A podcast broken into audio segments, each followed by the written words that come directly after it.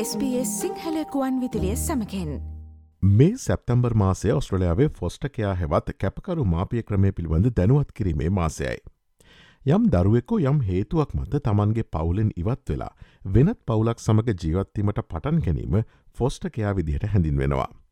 ෆොස්ටකයා දිගුකාලිනව මෙන්ම කෙටිකාලිනවද සිදුවනවා. අදාළ දරුවාට අවශ්‍ය ආරක්ෂාව රැකවරණය සහ පෝෂණය ලබා දෙමින් දරුවව රැකබලා ගැනීම මෙම ෆොස්ටකයා හරහා සිදුවනවා. යම් අයකුට ඔස්ට්‍රලයාාවේ කැපකරු මවක් හෝ පියකුවීමට අවශ්‍ය නම් ඒ සඳහා පිවිසෙන්නේ කෙසේද යන ප්‍රශ්නය දැන් ඔබට නැගෙනවා ඇති. ඔස්ට්‍රලයාාවේ ෆොස්ටකයා හෙවත් කැපකරු මාපිය ක්‍රමේ ක්‍රියාත්මක වන ආකාරය පිළිබඳ මෙල්බන්නුවර සායනික මනෝචිකිත්සක හර්ෂණී ඇල්ගිරිය මහත්මිය SBS ගොන් ඉදිරියට මේ ආකාරයෙන් පැවසවා. ඔස්ට්‍රේලියාව හැම ප්‍රාන්තයකටම අදාළ ෆොස්ටකයා ඒජන්සිස් තියෙනවා ඒව ක්‍රියාත්මක වෙන්නේ මේ ඔස්ට්‍රේලියන් ගවමන්ට එකෙන් දෙන ෆන්ඩිං වලින් එතකොට මේ ෆොස්ට කෑරස්ලා කාට හරි ෆොස්ට කෑරිං වෙන්න ඕනෙනා නැත ෆොස්ට පේරන් කෙනෙක් වෙන්න ඕන්න ඒගොල්ලා මේ ඒජන්සිස් වල රෙජිස්ටර් වෙලා ඒ අදාළ පුහුණුවීම් පාඨමාලා තියෙනවා හදාරන්න ඒව හදාරන්න ඕනේ. ඒව ගොඩක් දීර්ඝ කාලීන නෙමෙයි කෙටි කාලීන වැඩසටහන්. ඒව හදාරන්න ඕනේ. ඒ තුලින් තමයි මේ පේරන්ට් හෝ ඒ කෙයාරට අවශ්‍ය කරන දැනුම අවශ්‍ය කරන ඒ ස්කිල්ස් ටික ලබා දෙන්නේ. මේ ක්‍රියාවලිය ඉතාමත් ඇත්තටම මේ ඒජන්සිස් හරහා ඉතාමත් සැලකිලිමත්ව සොයා බලලා තමයි මේක සිද්ධ වෙන්නේ. ඉතින් තමන්ගේ ප්‍රාන්තයට අදාළව ෆොස්ටර් කෙයාර් ඇසෝසියේෂන් වෙබ් අඩවියට පිවිසලා බැලුවොත් uh, කවුරු හරි ෆොස්ටර් පේරන්ට් කෙනෙක් වෙන්න කැමති කෙනෙක් ඉන්නවා නම් එහෙම නැත්නම් ඒ සම්බන්ධව ලියාපදිංචි වෙන්න කැමති කෙනෙක් ඉන්නවා නම් වැඩි විස්තර ලබා ගන්න uh, ලබා ගන්න පුළුවන්. මොකද හැම ප්‍රාන්තයෙන් ප්‍රාන්තයටම ඕස්ට්‍රේලියාව තුළ යම්කිසි මට්ටමකින් ඒගොල්ලන්ගේ uh, අවශ්‍යතාව වෙනස් වෙනවා. ඒකින්ද තමන්ගේ ප්‍රාන්තයට අදාළ වෙබ් අඩවියට පිවිසුනා නම් ඒකට කියන්නේ Foster Care Association Victoria වල නම් Foster Care Association in Victoria. ඒ වගේ අඩවියට පිවිසලා ලබාගන්න පුළුවන්. මේ අතර ඔස්ට්‍රලයාාවේ කැපකරු දෙමාපියකු වීමට විවාහක යුවලකට පමණක් අවස්ථාව ලැබෙනව යන ප්‍රශ්නයක් බොහෝ දෙවියට තියෙන ප්‍රශ්නයක්. නමුත් ඒ එසේ නොවන බව සායනික මනෝචිකිත්සක හර්ෂණය ඇල්ගරිය මහත්මිය පැවසවා.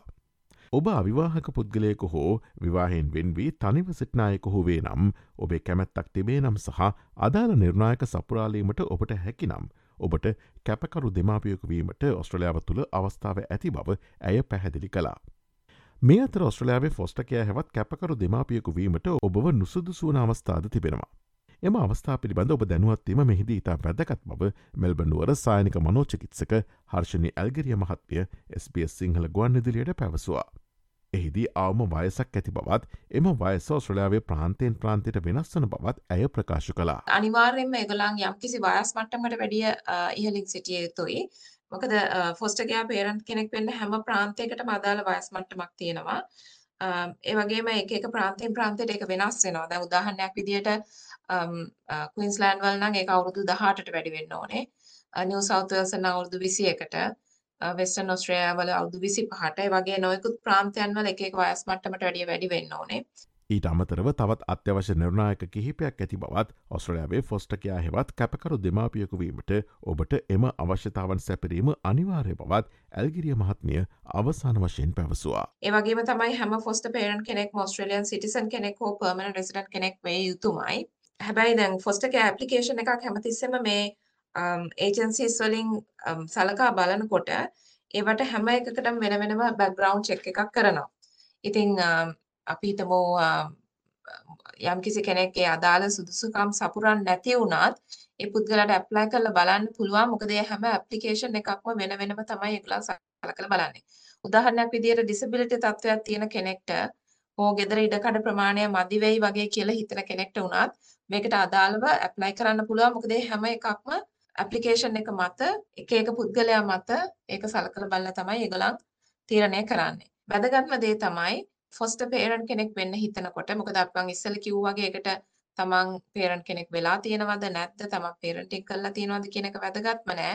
හැබැයි අපි විවෘත මනසකින් එතෙන්ට යන්න පුළුවන් වෙන්න ඕනේ. මොකද අපි යන්නේ දරුවෙකු බලා ගන්න දරුවෙක් කියන්නේ මේ මුළු රටටම මුළු ලෝකෙටම වැදගත් කෙනෙක්. අපි මතක තියාගන්න ඕන අපිත් කවදක හරි ඒ වයසක් පහු කරලා ඇවිල්ලා තියෙන්නේ. එතකොට මේ ළමයාගේ ඒ වයසට ගිහිල්ලා ඒ දරුවව ඒ වයස් මට්ටමින් දැකලා යව බලා ගන්න පුළුවන් විදිහේ විවෘත මනසක් අරගෙන යන්න පුළුවන් හැකියාව අරගෙන අනක ඉතා වැදගත්. ඔස්ට්‍රලයාාවේ මෙවැනි වූ අලුත්ම තොරතුරු දැනගැනීමට SBS.com.tu4/ සිංහල යන අපගේ SBS සිංහල වෙබ් අඩවයට පිවිසන්න.